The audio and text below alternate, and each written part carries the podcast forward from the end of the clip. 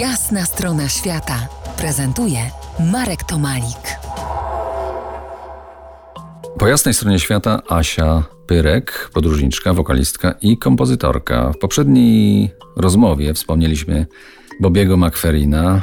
Powiedz, jak, jak go odbierasz? Dlaczego jest ci tak bliski ten jest Niez, genialny. niezwykły, niezwykły człowiek, Jest tak. absolutnie genialny, jeżeli chodzi o muzykę. Ma taką wrażliwość, ma takie możliwości techniczne, ma taką lekkość w śpiewaniu, a poza tym jest y, taką świetlistą postacią. Ja byłam na wielu koncertach Bobiego wcześniej i widziałam, co on z ludźmi robi, co on ze mną zrobił.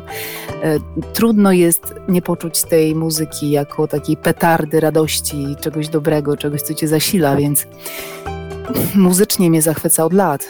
A osobowość to jest bardzo skromny, bardzo cichy człowiek. To nie jest showman. Także to są dwie opcje. Kiedy on jest na scenie, to ludzie po prostu są w jego energii. Też nie ubiera się jakoś szczególnie, przychodzi na boso. Natomiast muzycznie pociągnie cię do swojego świata. E, Wyobraź sobie, że kiedyś ja chciałem z nim pogadać, ale okazało się to nader skomplikowane. E, W końcu dostałem zgodę na wywiad, tyle że mailowy, cenzurowany przez jego menadżera, bo pierwszy zestaw pytań został przez niego odrzucony. Pytania uznał ten menadżer. Domyślam się, za zbyt abstrakcyjne. Ja myślałem, że kieruję te pytania do Bobiego. Ale nie poddałem się, wysłałem lżejszy zestaw i otrzymałem oczy- oczywiście odpowiedzi. I poszło to do druku, ale po tym wszystkim zastanawiałem się, czy Bobby nie żyje trochę jakby w szklanej bańce.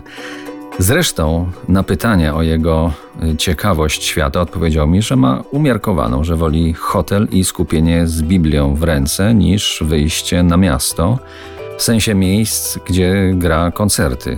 Powiedział, a w zasadzie napisał, że nie ma ani ulubionych miejsc na świecie, ani krajów. Wszystkie są dla niego wspaniałe. Taki trochę antypodróżnik. Tak jest. Ja próbowałam wielokrotnie i na warsztatach, bo byłam dwa razy u Bobiego, z informacją typu a cześć, jestem przyjaciółką Uli Dudziak, ona cię pozdrawia.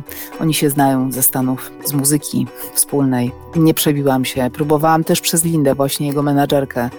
Nie przebiłam się, więc y, i też jeszcze byłam tutaj w Polsce y, po, po warsztatach już, kiedy zaprzyjaźniłam się z jego przyjaciółmi, którzy prowadzą grupę, bo tam jest sześciu nauczycieli razem z nim.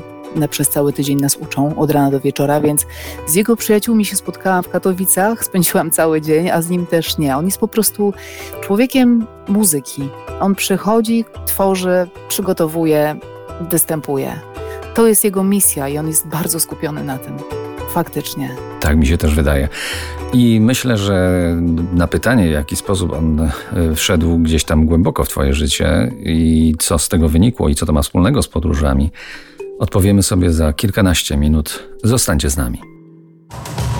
To jest Jasna strona świata w RMS Classic.